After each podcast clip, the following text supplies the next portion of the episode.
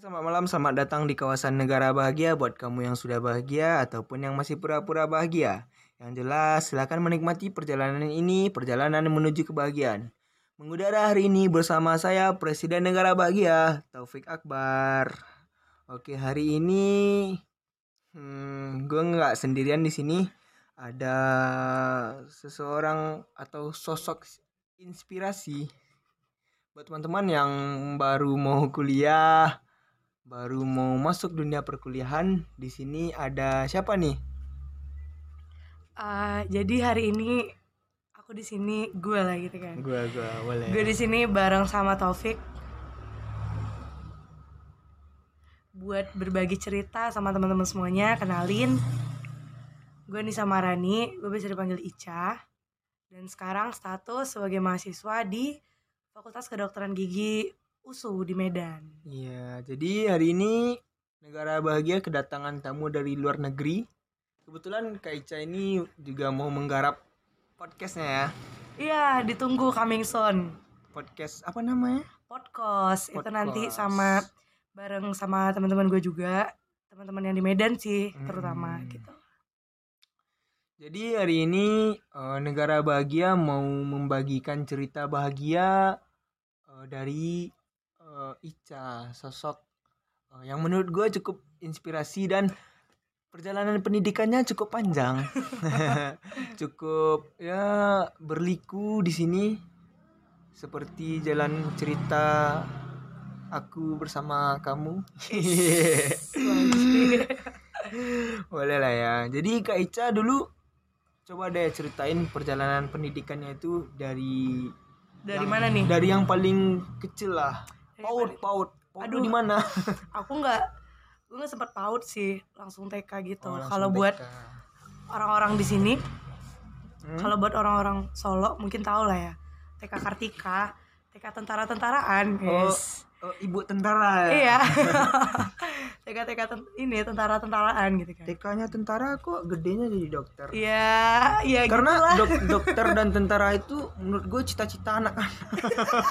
Iya kan kalau kita masih kecil gitu kayak Iya. ditanyain cita-cita lo apaan gitu. Dokter ya. Eh, lo tau gak cita-cita gue waktu kecil itu apa? Jadi apa? Tentara. Jadi, jadi presiden. Makanya Oh, sekarang jadi presiden. Jadi presiden di negara Presiden bahagia. negara bahagia. Oke, Dan oke. buat warga negara bahagia ya. Jadi panggilan pendengar negara bahagia ini sekarang warga negara bahagia. Oh, iya iya Ya, iya. karena gue mau pendengar gue ini setelah mendengarkan podcast ini eh, memiliki genre bahagianya. Oke, Gitu. siap.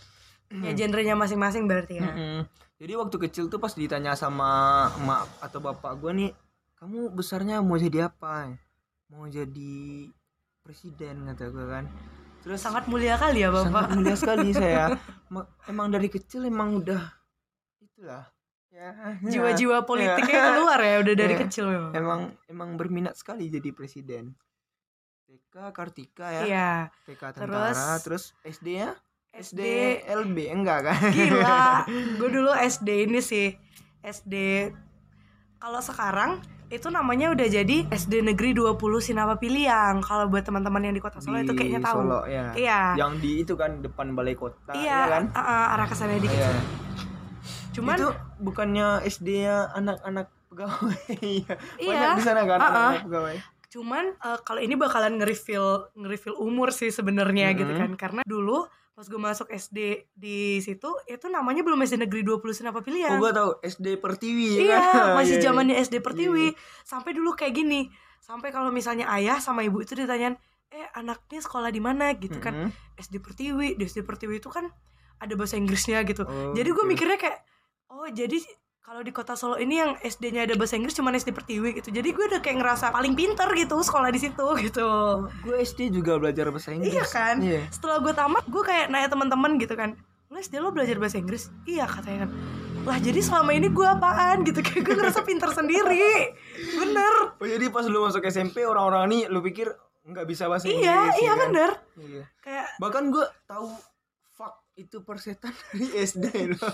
gue tahu fuck itu persetan dan lu tau kan gaya foto anak SD dulu kayak iya gimana? tahu-tahu yang jari tengah gitu jari iya. tengah gitu kan. Kayak pakai snapback snapback gitu. iya. Tahu nggak tahu artinya yang penting Iya, jari tengah dulu jari ya. tengah dulu kan dan gue ngerasain tuh foto yang jari tengah itu Nah, foto-foto alay di Facebook Iya, zaman dulu nggak sih? Anjir sambil selfie kamera belakang kawan gitu kan Iya Nanti kalau fotonya nggak pas ulang lagi Iya, gitu kan ulang lagi, lihat ya, sampai gitu. lihat di cermin ya kan Iya. Gitu. Astaga itu kayak genre bahagia kita dulu nggak sih? Iya, kalau dulu mah nggak ada yang dipikirin kan Iya kan. dan bahas Facebook lu Facebook lu Iya. Facebook lu SD Iya iya enggak gue Facebook ya Facebookan itu kapan ya? Kayaknya iya SD deh kayak. Iya SD itu kayak sosial namanya apa lu Lupa. Caca yang kami Bukan. Iya. Lucunya gini, lucunya gini. Sepanjang gue hidup gitu kan, udah umur udah kepala dua lewat dikit lah gitu ya kan. Eh sampai sekarang gue tuh gak pernah ngerasain zaman-zaman alay yang sampai nama nama profil Facebook itu Ica si imut selalu bla bla bla itu nggak pernah. Da- jadi dari SD dari namanya dari dulu gue tuh kayak udah punya sifat apa ya cuek. cuek gitu gue nggak ngerti gitu sampai Eh, tapi sekarang. tuh nggak orang cuek juga bisa mengekspresikan dirinya di Facebook? Nama Facebooknya Ica cuek. Gimana dong? Gila. Iya kan? enggak betul kayak dari dulu tuh gue nggak pernah ngerasa sampai sekarang gue pernah ngelewatin jam zaman zaman alay yang fotonya kayak betul-betul gimana ya kalau cewek-cewek dulu yang fotonya empat gitu. Oh iya terus Iya. dia tuh pakai love love di iya bawahnya ya. Gue gak pernah ngelewatin zaman itu. Nggak pernah? Nggak pernah. Jadi kalau misalnya kalian di sini sempat dulu tahu Facebook gue apa gak bakalan ada kalian ketemu foto alay gue Iya, itu kayak ada. satu kebanggaan tersendiri gila. Iya gila. Nggak pernah ngelewatin zaman alay coy gitu. Gue gue ngalamin sih. Ngalamin sih Kan, masalah bahkan ada gue sendiri ngala- ngalamin teman-teman gue semua. Dan Facebook gue itu kalau nggak salah ada tiga. Gila. Itu buat cewek mana aja tuh beda-beda? Waduh jangan bahas cewek dong. Iya kan? Emang kayak gitu. Cuman gue eh, versi alay gue tuh dulu gini. Kayak eh, namanya biasa aja Anissa Maharani atau Ica Maharani atau apa dulu gitu kan. Cuman fotonya nggak foto gue kayak gue cari di di di Google gitu oh loh. foto Justin Bieber. Bukan. Foto padahal gue anak SD. Tapi gue pakai foto cewek-cewek SMA oh gitu. Iya cewek-cewek SMA mereka tuh kayak foto nggak close up sih foto dari kaki sampai kepala gitu dari kepala sampai kaki. Jadi gue kayak cari di Google gitu tapi nggak foto gue menurut sendiri. lo mm, orang yang malu dengan kealayannya dulu tuh gimana? Kalau menurut gue nggak harus malu sih gitu maksudnya apa yang salah dengan hal itu gitu. Ya gue cuman miris juga ya lihat orang yang posting foto lamanya dan malu. Karena gue menurut gue sih alay dulu tuh biasa ya iya soalnya setiap orang itu ada masanya dan Ngerti setiap gak sih? masa itu ada orangnya istilah istilah alay itu keluar ketika kita udah nggak berada di zaman itu lagi iya gitu mungkin 10 tahun ke depan kita ngerasa bikin podcast kayak gini alay iya Bener gak sih? iya, iya, Iya kan? iya, iya.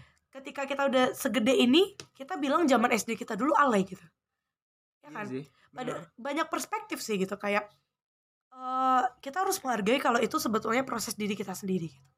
oh berarti gue niat ya dari dulu kayak jaga badan atau mungkin eh, dulu gue kayak gini sekarang kayak gini gitu. Kayak jadi proses pembelajaran aja gitu. Tapi kalau buat sekarang sih gue lihat orang yang mm, posting foto alay-alay lamanya itu jadi kebahagiaan tersendiri. Iya. mereka kan seperti yang di video-video TikTok gitu kan. Iya bener bener bener. Dan balik lagi ke topik kita tadi. Iya. SM, SD SD lancar-lancar gitu. SD lancar. Kayak aman. Iya aman, topik tau lah sendiri kayak bahkan sampai SMA pun aku tuh dikenal sebagai anak yang bener-bener anak kesayangan guru, anak Ih, emas. anak emas. Ya aku bukan membanggakan diri tapi memang that's the fact gitu, memang itu yang terjadi. dan gue anak tai.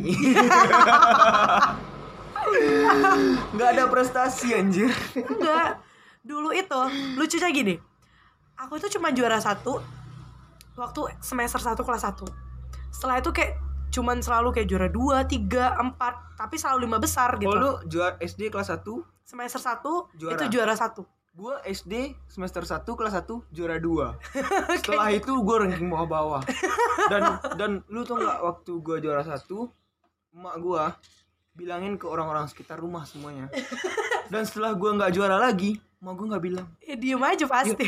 dia malah bilang kamu kok nggak juara lagi ya gimana lagi? Orang makin pintar dan gue makin bego.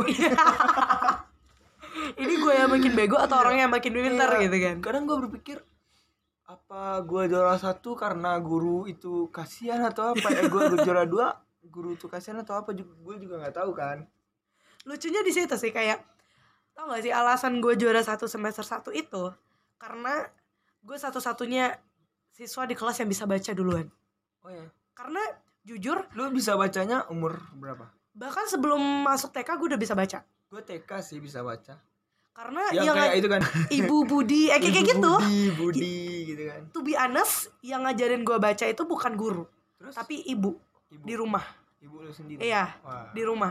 Jadi kayak karena gue satu-satunya anak di kelas yang udah bisa baca jadi cuman itu alasan kayaknya gurunya jadiin gue jadi juara satu. Gue dan yang maju orang tua kan? Iya. Yang maju orang Iya, tua. yang maju itu orang tua. jadi kebanggaan kebanggaan banget gila. Tua ya kan? Iya itu bangga banget. Tapi gue gak kepanggil. Pas di pas mau pulang itu kami belum ada mobil cuman punya satu motor Vega R. Kalau Iya, nggak iya, Vega R yang tua itu kan.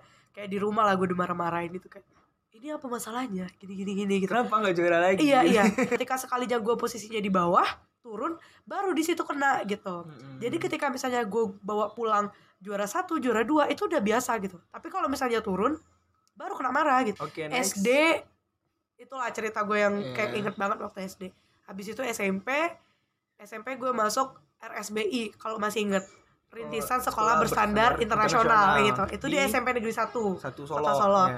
itu lancar-lancar-lancar kehidupan di situ cuman ya masih cupu-cupu gitu lah ya kan Yes. terus SMP lancar SMA ya karena SMP-nya RSBI Mm-mm. Eh, termasuk anak-anak unggulan lah istilahnya Iya, gitu kan iya. Jadi- anak, emas tadi ya Iya. jadi anak tai gue ya Iya gila, jangan dong. Jadi senior-senior yang udah lulus, udah masuk ke SMA SMA kayak boarding school di sekitar Sumatera Barat ini, jadi mereka kayak sekali-sekali datang ke sekolah tuh buat apa promosi apa segala macam gitu kan. Yes. Terus ada yang masuk dari SMA Negeri 1 Sumatera Barat. Ya. Di situ tuh gue baru kenal kayak oh ini SMA boarding school yang bagus. Ya udah gue apply di situ, gue daftar dan awalnya gue mikir bakal masuk itu bakalan sesusah itu. Gitu. Hmm. Ternyata enggak, enggak sama sekali gitu. nggak susah masuk Enggak. Gue jujur kayak Se- bahkan gue gak se- belajar Seenggak susah itu kah sampai orang-orang seperti gue nih bisa masuk situ?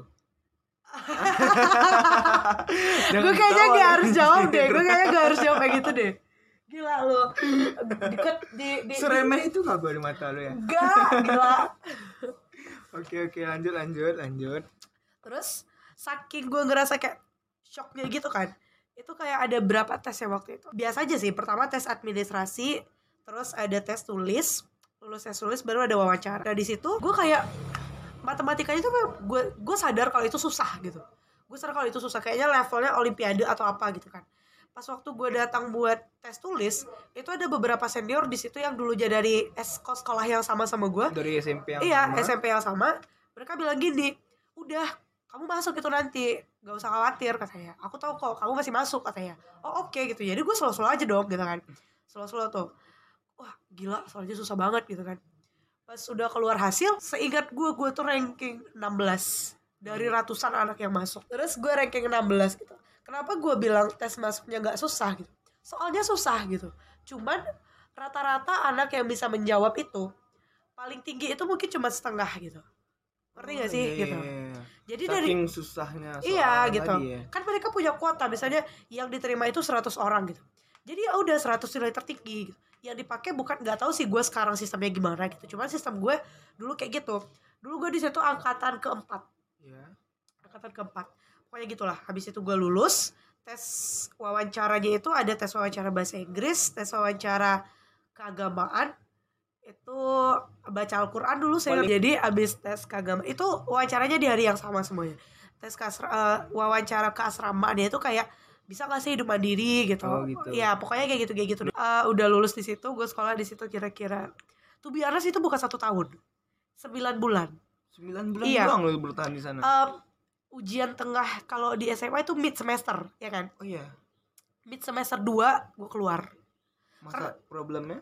karena gini eh di situ gue bukan dia ngerasa dikucilkan atau merasa nggak punya teman enggak gitu bahkan kebalikannya Bully enggak Enggak, enggak terlibat bully lo. enggak gila bahkan ini gue mau cerita serius nih Kirain kirain lu korban bully. biar ya jadi kan? pelajaran juga buat teman-teman yang mau masuk asrama Iya iya iya. jadi kalau problemnya itu tentang gue merasa eh, jauh dari orang tua gue merasa kayak dikucilkan gitu enggak sama sekali bahkan kebalikannya di situ gue punya teman yang betul-betul kayak nganggap gue gitu kalau di situ kelas itu cuma ada tiga kelas dua kelas cewek satu kelas cowok situ dipisah Oh dipisah. iya ya? dipisah nggak tau gue sekarang dong. dipisah atau enggak Asik dong. ya lu kalau pergi ke sekolah ya memang modusin cewek di kelas gila kalau kami kan enggak Enggak lah, gua Bang, nggak gua gua nggak pernah pacaran sekelas loh. Gua nggak pernah. ya modus-modus lah buat penyemangat datang ke sekolah ya gak sih Enggak, nggak pernah. ya munafik Nggak pernah, serius gua nggak pernah. Gua nggak pernah deketin cewek yang ada di kelas gua nggak pernah. Cuman- secantik apa pun dia, semenarik apa pun dia gua nggak pernah. Karena gua gua punya pemikiran sendiri kalau gua sekelas sama tuh cewek, gua nggak bisa itu eh, main-main lah di kelas. Gila Eh, iya juga sih kayak kita ja- jadi gimana jaim-jaim gitu gak iya, sih jaim nantinya. Dan gue juga eh, apa ya? Salut juga buat teman gue yang bisa pacaran sekelas. Ada tuh anjir. itu kayak bucinnya dari datang ke sekolah sampai pulang sampai diantar pulang lagi sampai besok ketemu bucinnya tiap hari gak sih Parah anjir. Sampai ke kantin ba- bawa- bareng Bawa bekal makan berdua. Anjir. Jijik, anjir jijik beneran. Sampai gue bilang tuh ke teman enggak gini pik kita nggak bisa eh, menganggap tindakan orang itu salah mungkin itu genre bahagia menurut mereka bisa jadi. ya kan Iya. mungkin kita di ketika di posisi mereka kita juga melakukan hal itu siapa tahu ya kan Iya Gak ada yang bisa jamin Tapi gue pernah coba nih waktu kuliah. Kuliah Ah. kemarin. Heeh. Gue mau deketin cewek yang satu kelas dan gue nggak bisa. kenapa Ilfil duluan dia. Ilfil- karena karena dia udah tahu gila-gila lu di mana di kelas gak sih duluan dia lihat gua gua orangnya yang paling nggak bisa diam-diam di kelas paling nggak bisa gua. Iya sih. Mati gua kalau diam-diam. Serius. Gua nggak nggak ngebacot sehari mati gua. Serius. Nih ada dua pilihan nih makan nasi atau ngebacot? Gue pilih Ngebacot. ngebacot. Ngebacot memang. anjir. Gua karena gue bacot kita kenyang gak sih? Kenyang nggak anjir. lapar. Ngebacotnya bukan ngebully ya. Iya. Gua nggak suka ngebully. Itu jangan, Jangan, hate speech. boleh. terus eh gue asrama problemnya yang gue temukan itu adalah kayak gue gue ngerasa itu bukan gue gitu bukan lu Maksud- maksudnya gini bukan lu gimana sih bukan lu ya eh di saat lu udah susah-susah masuk bukan ke sana bukan gitu. Eh, ceritanya gini gue itu dari kecil memang udah ditatar untuk bisa jadi keras dan mandiri gitu. Hmm. karena gue anak pertama dan adik gue juga cewek satu-satunya gitu. Mm-mm. jadi kami cuma berdua di rumah gitu kan jadi gue dari kecil betul-betul di istilahnya kalau misalnya ada masalah-masalah apa di rumah yang disalahin itu gue gitu yang di yang ditanya itu gue gitu. Jadi Iya, gue iya. dituntut mandiri gitu. Ketika setelah gue eh, lihat-lihat ya ketika anak yang udah punya sifat atau karakter mandiri terus dimasukin ke SMA yang boarding school atau asrama kayak gitu kemungkinan kemungkinan besar mereka gak ketahan tapi balik lagi dong ke pribadi mereka Iya memang masing-masing. balik lagi, cuman mostly itu nggak ketahan karena di asrama itu kita kayak betul-betul strict, strict eh, tegas gitu jadwalnya gitu. Kayak eh, dari jam eh, setengah delapan sampai jam 4 itu kayak kelas biasa, terus jam 4 sampai jam 6 itu kadang itu free, kayak kita bisa ke dorm, kita bisa ke asrama, eh bisa bebas ngapain aja, nyuci kayak atau apa gitu Hmm. kan terus biar kalau Senin Selasa nah di situ jadwalnya tuh kayak strict banget gitu kayak tegas eh habis jam 6 gitu dan itu sholat lima waktunya harus di masjid. Bagus dong. Memang gue kan gak bilang itu jelek. Iya, iya, gitu. Gue gak bilang itu jelek loh gitu. Jam 6 habis sholat maghrib itu kayak Senin itu jadwal gue dulu ya. Nggak tahu sekarang udah dirubah atau gimana gitu. Tapi itu kayak beberapa tahun yang lalu. Eh habis sholat maghrib itu Senin Selasa Rabu biasanya ada kegiatan keagamaan gitu. Sampai sholat isya. Sholat isya di masjid habis itu kayak setiap harinya kecuali malam minggu itu ada jadwal belajar mandiri. Belajar mandiri itu kayak kita itu belajar di ruangan kelas yang kita pakai siangnya tadi. Cuman nggak di kelas kita maksudnya kita di kelas-kelaskan lagi gitu. Cuman nggak sekelas sama teman kita. Hmm. di kelasnya itu kayak eh untuk anak kelas 10 cewek belajarnya di aula ini. 10 Oh, cowok iya. belajarnya di aula ini gitu. Kayak di situ ruang belajar kita sama-sama gitu. Dari habis isya sampai jam 10 malam. Jadi emang belajar belajar belajar belajar belajar terus ya? That's it. Itu bedanya. Aku rasa itu sih yang ngebedain boarding school sama sekolah-sekolah yang lain gitu. Menurut lo kalau belajar belajar belajar terus itu gimana sih? Tergantung pribadi masing-masing. Ada anak-anak yang eh, mereka menemukan dunia mereka sendiri ketika mereka belajar. Ada yang kayak gua gitu. tapi kayak lo orangnya tipenya yang kutu buku banget gak sih? Atau lo baca semua buku? Gue baca semua buku. Gue baca Genre semua apa pun? genre apa pun. Kecuali enggak sih kayak gila gue baca yang romance romance Oh, gitu. itu gue agak kurang bener-bener. kurang? ya. berarti lu emang kecuali romance romance sastra yang yang berbobot gitu. Oh gitu. Ya kayak zaman dulu Siti Nurbaya ayat-ayat cinta ya kayak, kayak Iya, gitu. Itu kan iya, kayak agak berisi gitu kan. Atau Romeo and Juliet itu zaman dulu Pride and Prejudice itu juga bagus sih. Jam 10 kelar tuh. Jam 10 kelar itu di sekolahnya. Itu ada sirine tau gak sih? Kayak ada alarm sirine kayak toa masjid itu kayak ada di tengah-tengah halaman sekolah. Tapi lu tau nggak Serine itu di saat bulan puasa ini ditunggu banget. Iya. Eh, pada waktu itu juga nungguin. Iya. Iya, karena- oh ya karena iya, bosan belajar. karena mungkin. bosan belajar. Bosan banget belajar di situ gila. belajar itu mandiri nggak pakai guru. Enggak. Tapi gua orangnya yang tipe belajar tanpa guru itu gua nggak bisa. Gua nggak bisa belajar tanpa guru.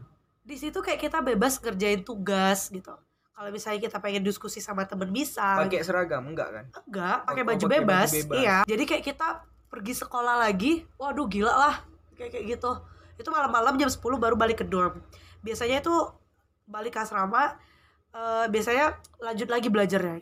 Kalau misalnya mau lanjut lanjut lagi di kamar gitu. Gila belajar terus. Memang.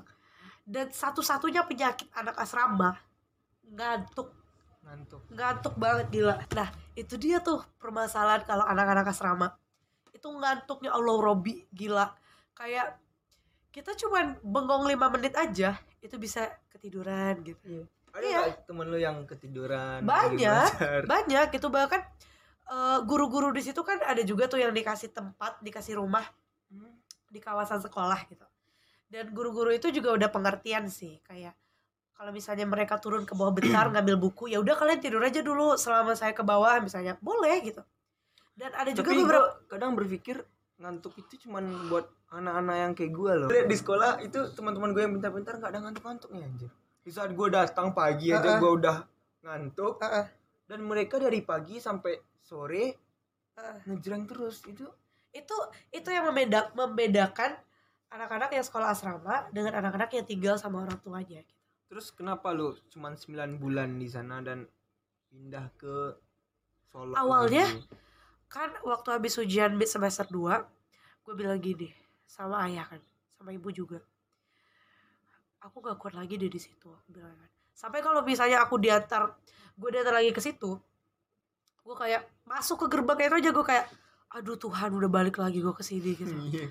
Bener. Sebosan itu kan ya. eh sebosan itu gitu Beda sama yang kuliah sekarang. beda dong beda cerita itu Iya, lah iya, iya. gila Malahan sekarang ngebet pengen balik ke Medan ya. pasti so pasti gengs Buat teman-teman gue yang di Medan Yang dengerin nih Lo semua harus tahu kalau gue udah pengen banget ke Medan Dari Rindu ya sama Udah. suasana Aduh gila udah kangen banget gue Terus Oke, lanjut.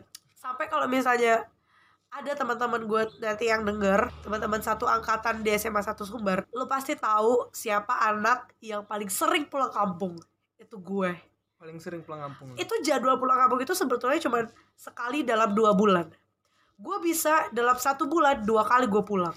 Dengan alasan apa pun gue izin keluar sekolah itu cuma butuh satu tanda tangan orang gitu. Kayak gue lupa itu tanda tangan penjaga asrama atau satpam atau siapa gitu.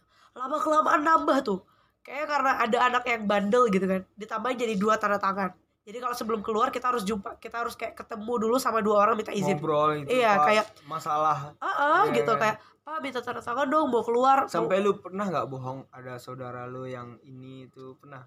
Gila bener Iya Iya bener Kayak gue merasa berdosa gua- banget sih sekarang gua itu pahamnya gue taunya itu karena setiap orang yang udah kebelet itu pasti ngeluarin alasan apa pun Iya, bener. Iya kan Sampai, sampai nggak mikir alasan itu masuk di akal atau Iya eh, rasional atau enggak ya Iya. kan? Sampai terakhir Sampai terakhir gue bertahan di sekolah itu Empat tanda tangan yang harus gue cari. Iya. Iya. Se- Sampai tanda tangan penjaga asrama Satpam Terus gue inget wakil kepala sekolah Terus satu lagi gue lupa guru BP apa-apa gitu. Ada beberapa satpam Gue inget banget ada beberapa satpam Bapak-bapak semua.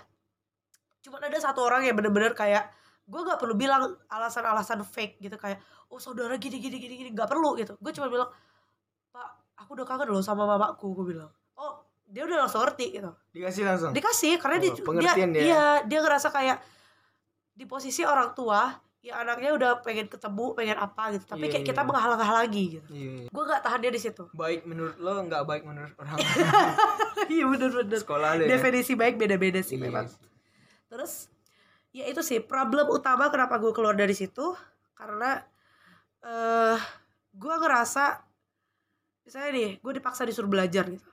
Ya siapa sih kalau misalnya anak-anak yang udah masuk di situ nggak ada yang mau jadi ranking terakhir. Nggak ada yang mau nilainya rendah gitu. Kompetisi terus ya. eh pasti kompetisi terus gitu. Jadi kalau nggak dipaksa pun kami memang bakalan belajar gitu. Nah gue bukan tipe orang yang bisa dipaksa Dan kompetisi itu bisa membuat renggang di pergaulan ya kan? iya Lo ngerasain nggak? ngerasa ngerasa memang Karena gua memang ada tipe tipe memang ada tipe anak-anak yang iya, walaupun nggak asrama, walaupun nggak harus menutup ah, ah, itu memang kan. setiap orang kayak Iya. gitu memang ada Tapi mereka nggak sadar ya kan? Iya. Pergaulan itu penting ya kan? penting memang dan itu dan salah satu alasan gue keluar gue pengen jadi anak-anak pada umumnya Karena lo lihat anak-anak pada umumnya enak gitu. iya Eh, bahkan gue pernah kayak pas gue mau keluar gue bikin surat gue Mhm. tulis gue kasih ke salah satu temen gue gue bukannya anak yang gak bisa cari teman di situ enggak gitu. Terus gue bikin surat bukan berarti gue kayak mikir anak-anak yang sekolah di situ bukan seperti anak-anak pada umumnya enggak gitu. Cuman gue kayak pengen nyari lingkungan yang eh apa ya betul-betul lingkungan temenan anak-anak SMA biasa gitu loh. Iya. nggak ada kompetisi apa-apa gitu. Gue keluar nyambung ke SMA lo. Kita berada di SMA yang sama. Gue masuk KTS eh, kurikulumnya beda tuh. Kurikulumnya beda. SMA 1 Sumbar sama SMA 1 Solo kurikulumnya beda. Eh kelas 10 kalau misalnya di SMA 1 Sumbar itu masih pakai KTSP waktu itu. Jadi gue belajar sosiologi gue belajar apa geografi segala macam gitu. Cuman nggak ada namanya matematika peminatan. Nggak ada. Sedangkan di kurik- kurik- kurikulum 2013 matematika peminatan udah ada kan? Iya iya. jadi kalau misalnya gue pindah ke SMA Negeri 1 Kota Solo nilai matematika peminatan gue nggak ada. Karena gue masuknya di tengah-tengah semester bukan di eh, tak bu- bukan di semester baru gitu. Jadi nilai nilai semester gue nilai semester 2 gue kayak terganggu gitu jadi ya guru-gurunya bilang ya udah kamu ngulang aja gini-gini oh oke aku bilang gitu Oh, jadi lo ngulang dari awal eh ngulang dari kelas 10 sama dengan adek lo. iya nah itu lucunya Iya. iya Gue gue lu tau nggak gue waktu baru kenal lu di coffee shop ah ah. gue nggak nyangka lo lu kakaknya adek Si Dela, lu, iya. si Dela ya Heeh. kan karena kan kita emang kenalnya di coffee shop Iya, iya, iya. kerja dulu Heeh. kan ya kan gue ingat tuh lu mesenin Eh, Espresso. espresso. Iya. ya. Ada gue dia kan akselerasi harusnya tuh kayak jarak gue sama dia tuh kalau misalnya gue kelas 3 dia kelas 1 gitu. iya iya Jadi karena gue mundur satu tahun, ada gue maju satu tahun. Jadi ya kami ketemu di kelas Mm-mm. yang gak di angkatan yang sama, bukan di kelas yang sama. Jadi gue ngulang di kelas 10 IPA 7. Dia 10 IPA 6. dan cerita lo di SMA yang baru Itu awalnya dibully parah. kenapa? Dibully parah gue kayak eh gimana ya? Waktu gue tiga bulan di SMA Negeri Satu Kota Solo yang awal itu otomatis gue ketemu dong sama teman-teman SMP gue dulu. Oh iya yang satu ya kan? angkatan. Yang satu angkatan kan? Dan dia jadi kakak kelas lo nah mereka jadi kakak kelas gue kalau misalnya gue tinggal kelas kan.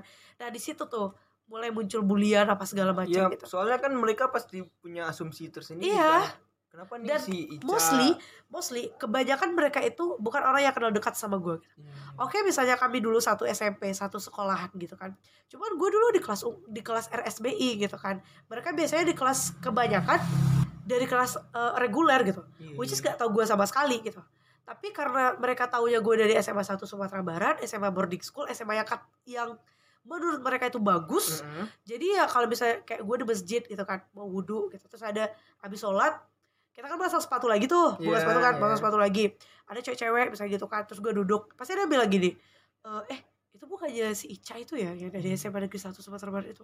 Iya ya tapi dia kok tinggal kelas ya? Gitu. Iya. gue kayak gue denger gitu tapi kayak gue ah ya udahlah gitu. I don't give a fuck gitu. Kayak udah Iya. biarin aja. Nah sekarang lu sendiri lah yang udah kenal gue gitu. Iya. kayak lu tahu kan Gua, karakter gua baru tahu waktu lu ngulang di SMA satu, gua asumsinya nggak sama seperti orang-orang. Apa? Karena gue yakin lu nggak tinggal kelas atau apa gue yakin. Karena jadi lu mikirnya gue gak tinggal kelas? Enggak gue yakin lu pasti punya masalah. Oh tersendiri. oh gitu. Gue pikirnya gitu. Kenapa? Karena emang- iya karena gue yakin nggak mungkin lah tinggal kelas. Ah, ya gue yakin gue yakin aja sendiri. Dan gue padahal kita belum kenal loh di Iya. situ. Jadi Ica ini kakaknya Dela dan dia dulu sekolah di SMA 1 Sumbar. Ah, dan sekarang ngulang lagi di SMA 1 dan nggak mungkin lah dia tinggal kelas. Ah, ah. gue udah nanamin itu sendiri. SMA 1 Sumbar 9, 9 bulan iya. dan ngulang lagi. Iya. Dan dalam ada dong masa lu nganggur? Enggak enggak ada. Gue selama tiga bulan itu sekolah di SMA negeri satu. Lu sekolah? Sekolah. Terus nantinya ngulang lagi? Iya. Gila ya. Sekolah? Gimana dong? Nggak nggak Iya. nggak nggak nggak nggak. Ya mau gimana lu gue yang punya sekolah dong ya gitu gue sekolah gitu. Fun fact-nya gitu jadi pak pak Soe itu. Dan tiga bulan lu udah punya teman dong udah pastinya. pasti. Dan teman-teman lu tuh nanti jadi kakak Bah- kelas loh. bah- bahkan gue udah sempat masuk tahu rangkaian Aweh kan tahu tahu. Ah, itu gua sempat masuk itu. juga masuk rangkaian ame dulu. Ah, Ya. gue sempat masuk itu dalam jangka waktu tiga bulan itu. Iya. Iya. dan lu ngulang lagi? Ulang nggak masuk di logika sih ya. But that's happen gitu itu terjadi. Iya, iya. itu terjadi. Itu terjadi ya Dan- jadi Pak Soe itu bilang gini pas gue lagi isi jawaban kamu dari mana? Kata, eh, dia nggak nanya asal gue SMA dari mana. Terus dia bilang anak pindahan dia katanya. Iya pak. Aku bilang gitu gue bilang gitu kan. Terus oh kena masalah apa? katanya. Iya.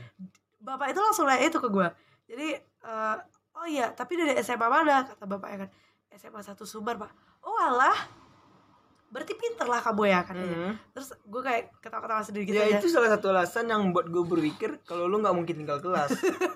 Iya. Banyak sih yang bilang gitu. Soalnya masuk SMA satu sumber itu susah bro. Iya kan? Itu susah bre. Kok bro ya? Kan? itu susah bre. Bre Iya kan? oke. Itu susah. Dan nggak mungkin lu bisa lulus kalau lu nggak pinter. Dan nggak mungkin juga kalau lu tinggal kelas. Dan bertahan di dalam itu jauh lebih susah. Iya sesusah itu kah eh menurut gue ya menurut gue ya karena 24 jam kita dengan orang yang sama.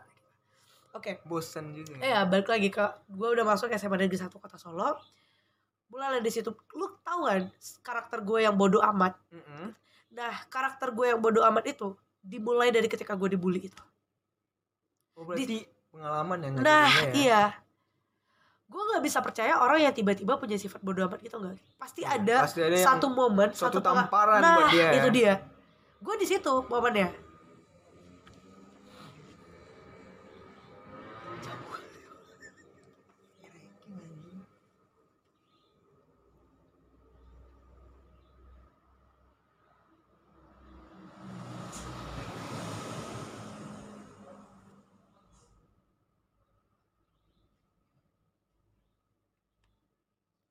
Nah, jadi di situ gitu. Ketika gue dibully, bahkan ada kalau dulu awalnya gue gak langsung bersifat bodoh amat gitu sih. Kayak gue kelas, kalau gue dulu kelasnya 10 IPA 7 itu di sebelah eh apa? Studionya Rangkiang Ambeh, Hmm. ini sih yang sekarang jadi IPA 1. Mm-mm. Cuma dulu itu kan masih gedung lama gitu. iya iya iya Jadi kelas gue dulu di situ. Kalau misalnya ada teman yang sebenarnya satu angkatan sama gue,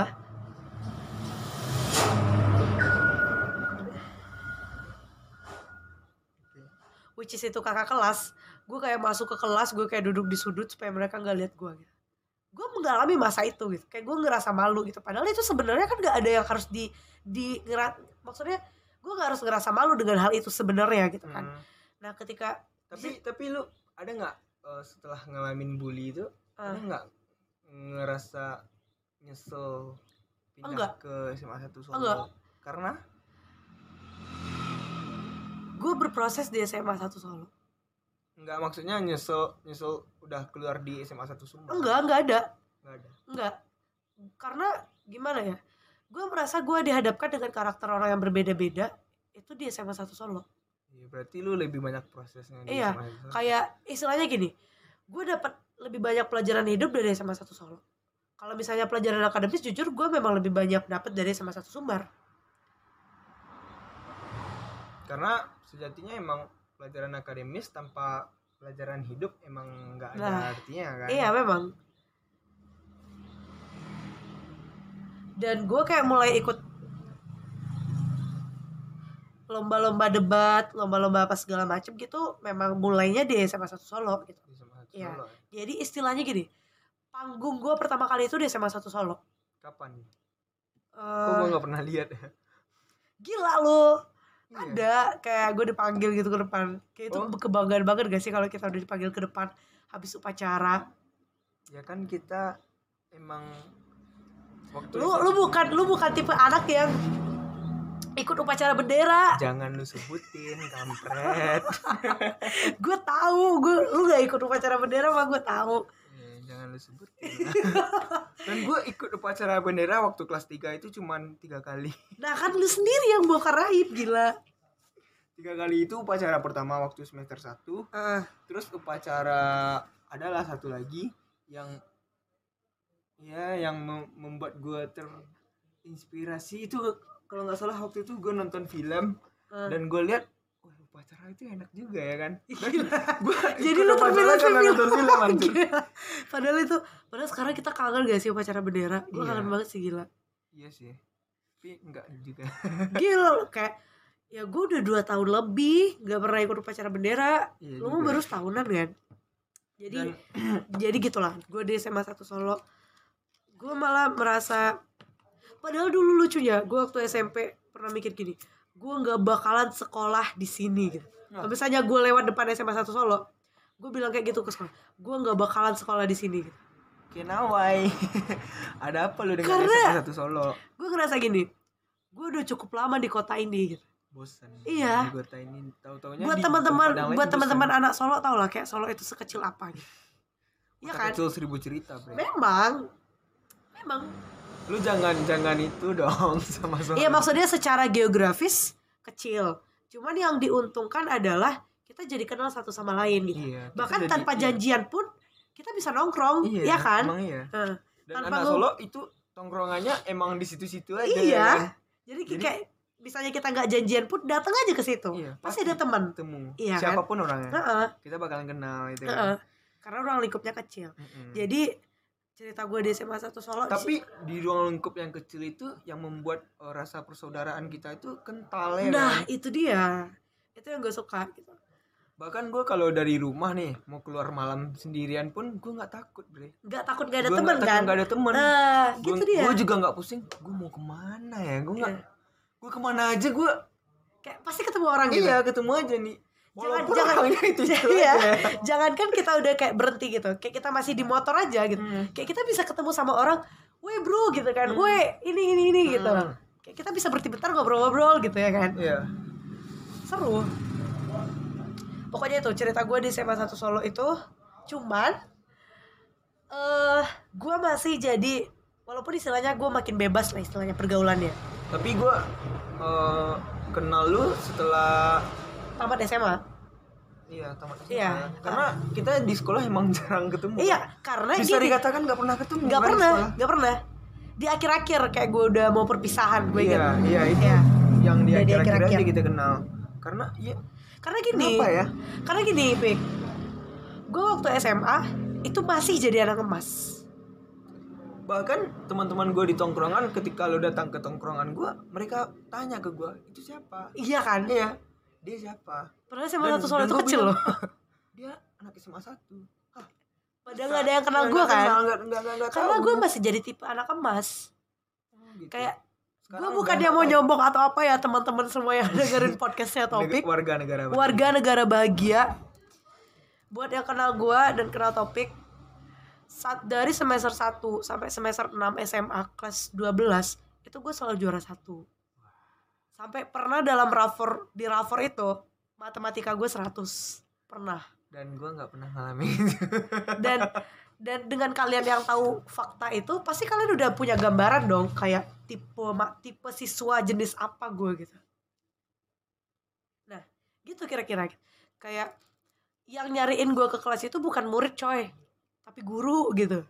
Yang ngajakin "Eh, Anissa Marani ada? "Eh, ada bu misalnya gitu kan. Gue dipanggilin tuh sama teman nah eh, kamu nilai kimianya tinggi ya gini gini gini gitu kan kamu ada niat gak untuk ikut olimpiade kimia ini ini gitu kayak gue aduh bu maaf ya bu gitu kayak gue nolak Oke lanjut ke dunia perkuliahan. itu sekilas cerita gue di SMA pokoknya SMA. intinya di SMA itu nah gue abis SMA masuk tuh ke FKG USU di situ- Jalur. SBM Oh. Eh, Gimana nih cerita waktu saat- di saat USU kuliah ya? di USU gue udah sekarang semester 4 udah mau 2 tahun udah mau 2 tahun pertama kali gue di situ kayak ada ngeras awalnya gue agak takut-takut dikit sih gitu kayak ke Medan kita semua sama-sama tahu lah seberapa Medan, kerasnya Medan Medan kayak keras, ya. Texas lah istilahnya Iya, gitu iya, kan. Eh, Karena di sana emang orang nggak nggak peduli ah, ah, apa kayak gimana ya? kan? label dia kota besar cuman kalau dibandingin sama Jakarta atau Bandung atau yang lain-lain itu kayak beda kelas sendiri gitu Kenapa? Ada apa dengan Medan? eh gimana ya kalau orang gue belum pernah sih kayak ke Jakarta ke Bandung ke mana-mana gitu jadi jadi kayak gue denger cerita aja kalau misalnya di kota-kota besar yang lain ketika orang jiwanya itu keras ya memang keras gitu loh tapi kalau misalnya di Medan cuman ngomongnya aja keras Oh, hatinya lembut. hatinya ya? lembut Hello Ih, Kitty Hello Kitty gitu. Tampang security, hati Hello Kitty. Hati ya. Kitty iya jadi kalau misalnya gue bandingin ada teman gue kemarin baru habis dari Jakarta jadi dia tuh cerita kalau misalnya dia tuh kan anak Medan gitu dia bilang gini cak ah, aku kalau bahasa Medan dikit kayaknya Iya, seru kan Seru seru. Lebih Cak. menjiwai kan? Iya, lebih menjiwai kan? Iya, iya. cak aku mau ngomong lah sama kamu katanya kenapa aku bilang kayak kan eh aku kan balik dari Jakarta nih ya kan terus aku bilang aku bukannya karena aku orang Medan aku membangga banggakan Medan ya katanya. Tapi kayak aku cinta kali sama Medan ini katanya. Kenapa aku bilang kayak kan? Karena Medan ini dia itu kota besar kehidupannya bebas pergaulannya bebas tapi porsinya pas. Itu beda ya. Kayak itu kehidupan bebas ada. Kayak kalau misalnya istilah atau sifat masyarakat yang lolo gua gua itu ada dan diterapkan banget kalau di Medan. Hmm. cuman ketika orang-orang di sana itu kayak kita lagi butuh bantuan atau butuh apa gitu kan sifat kemanusiaan mereka juga gak- juga boleh ditanya gitu Hmm. mereka tahu menempatkan diri di mana mereka harus ngerecokin urusan ur- urusan orang gitu Hmm. ketika itu urusan orang tentang pilihan pribadi betul-betul privacy mereka betul-betul kayak ya udah itu urusan lo gitu Tapi menurut gue sih itu lebih bagus ya daripada orang yang eh, bukan yang kita ngejudge eh, Padang atau apa ya orang yang terlalu ngurusin hidup orang lain. nah iya benar bahkan teman gue yang yang sempat ke Jakarta itu dia sempat bilang gini bahkan cak saking eh sikap lo lo gua guanya di Jakarta itu betul-betul dipakai gitu kan Jakarta nih dia bilang kayak gini kalau kau nanya jalan aja itu mereka minta duit dulu katanya Iya. sampai ada yang kayak gitu memang kayak gitu. Anak kecil nih saya lu nggak tahu saya lu kayak tersesat atau apa gitu kan. Terus lu nanya bang jalan ke sini ke mana? Gitu kan. Goceng dulu lah bang katanya. Mau mereka nanya gitu. Sumpah demi Allah temen gue yang bilang cerita.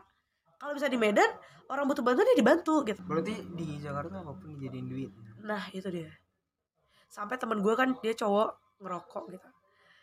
Eh, dia kan orang Medan tuh. Jadi dia duduk di kafe dia ambil rokok satu bungkus rokok ditaruh di meja nih itu terus orang Jakarta itu bahkan sampai bisa kayak gini. Gue bukannya ngejudge semua orang Jakarta kayak gini enggak ya. Cuman beberapa orang mungkin seperti mungkin orang yang ditemui sama teman gue kayak gitu. Jadi ke kafe duduk rokok di meja sampai bisa orang yang dia nggak kenal stranger orang asing gitu. Kayak datang ke meja dia bro bagi rokok ya bro gitu. Dia ngambil gitu aja gitu.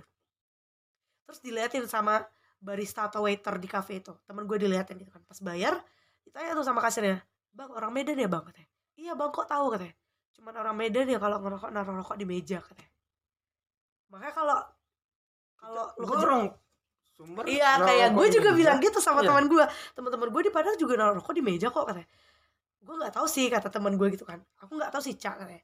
Tapi kalau misalnya orang-orang Jakarta kalau ngerokok ambil rokok ya udah rokoknya taruh di di saku di gitu. kantong. Di kantong. ya, Dikantongin lagi rokok. dikantongin lagi rokoknya Tapi kalau di di di di sumber kalau rokok lu, lu kantongin jiwa lu tipis, Bro. nah itu dia Jadi kita bingung dong ya.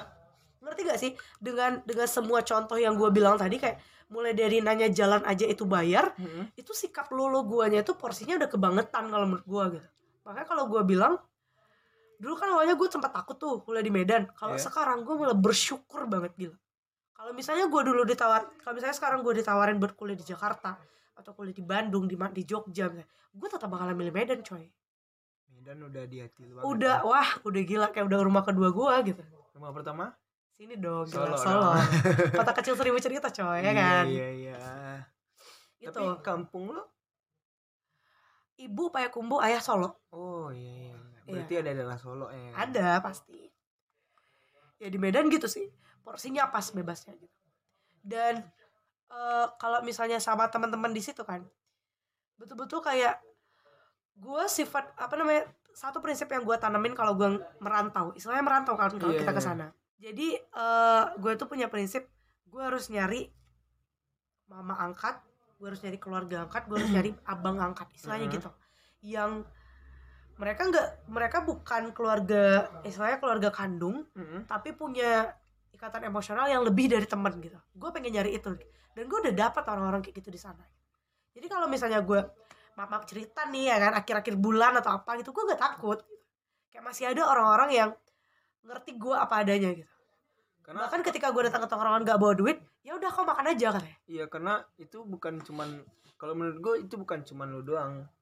Karena kan? sejatinya orang Minang yang ngerantau emang kayak gitu semua. nah itu gua. dia. Dan cuman bedanya gini pik kalau Mhm. sama orang Medan. Mereka nggak bisa ngomong lembut-lembut. Misalnya nih saya orang Medan nih gue bilang bang eh saya gue datang ke tongkrongan nih gitu kan rame-rame gitu. Terus gue nggak makan. Lu duduk sebelah gue nih terus lu nanya kok nggak makan kau? katanya kan. Eh eh udah tadi bang. Kau nggak ada duit kan? Pasti gitu kan aja. Kau nggak ada duit kan?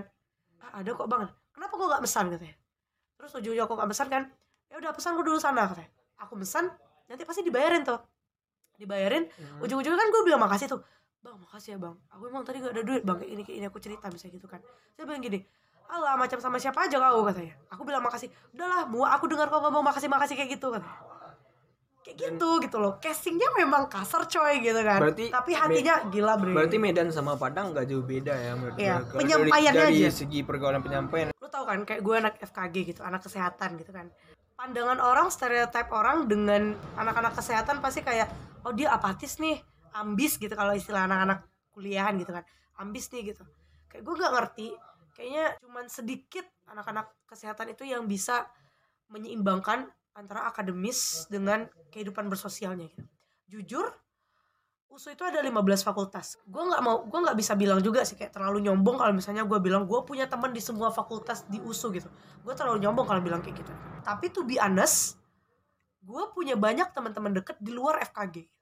Kayak teknik.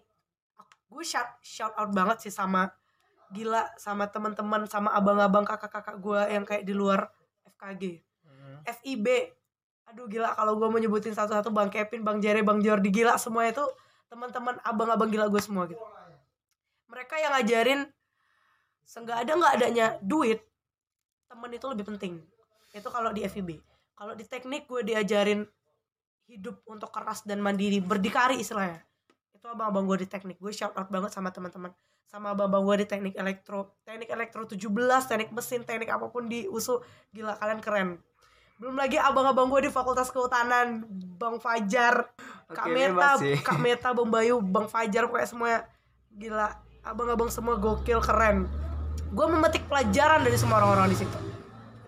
Dan gue ngerasa kayak eh kalau misalnya kalian udah jadi mahasiswa itu yang ditanya itu bukan agar akademisnya aja gitu. Mhm. gimana kalian ngebangun relasi? Gimana kalian eh apa namanya membangun jejaring kalian itu gimana branding kalian itu gimana gue rasa itu penting banget gitu.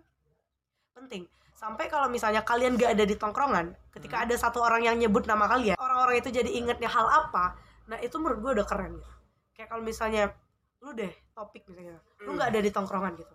Terus ada yang tiba-tiba nyebut nama lu gitu kan topik oh topik yang punya podcast negara bahagia itu ya gitu. Wah. Nah, itu kan Iya, iya, branding iya, kan, Iya, iya, gitu. branding. Nah, gue rasa kalau misalnya udah jadi mahasiswa itu penting gitu. Dan eh, gue juga bukan tipe orang yang eh, memandang jurusan orang eh, jurusan yang satu lebih bagus dari jurusan yang lain. Gitu. Itu bullshit. Itu bener-bener salah. Gitu. Iya. Karena menurut gue jadi mahasiswa itu untuk menemukan jati diri kita masing-masing. Itu kayak me, me- apa sih istilahnya menempah karakter kita gitu kayak ngejar-ngejar dosen kayak kayak membagi waktu antara organisasi dengan dengan kuliah kayak gitu itu semua penting gitu dan gue juga juga ngerasain itu sih karena gue juga nggak respect sama orang yang bilang kalau lu punya modal mending usaha daripada kuliah. Nah. Karena kuliah ya buat apa? Kalau nanti kan juga mau bikin usaha mau ini mau itu katanya kan. Karena mereka juga nggak tahu eh, apa sih gunanya kuliah buat kita gitu kan. Karena durasi nih ya cak ya. Ya lu mau gue mau nanya nih genre bahagia menurut lu itu seperti apa sih? Genre bahagia menurut gua ketika lu tuh udah bener-bener mencintai diri lu seutuhnya.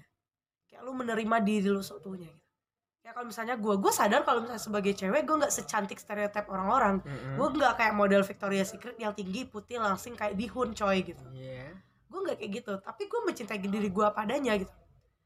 Tapi eh, dengan cara bukan kayak kalau misalnya cewek nih kalian makan sepuasnya karena kalian bilang kalian cinta diri kalian sendiri itu enggak gitu.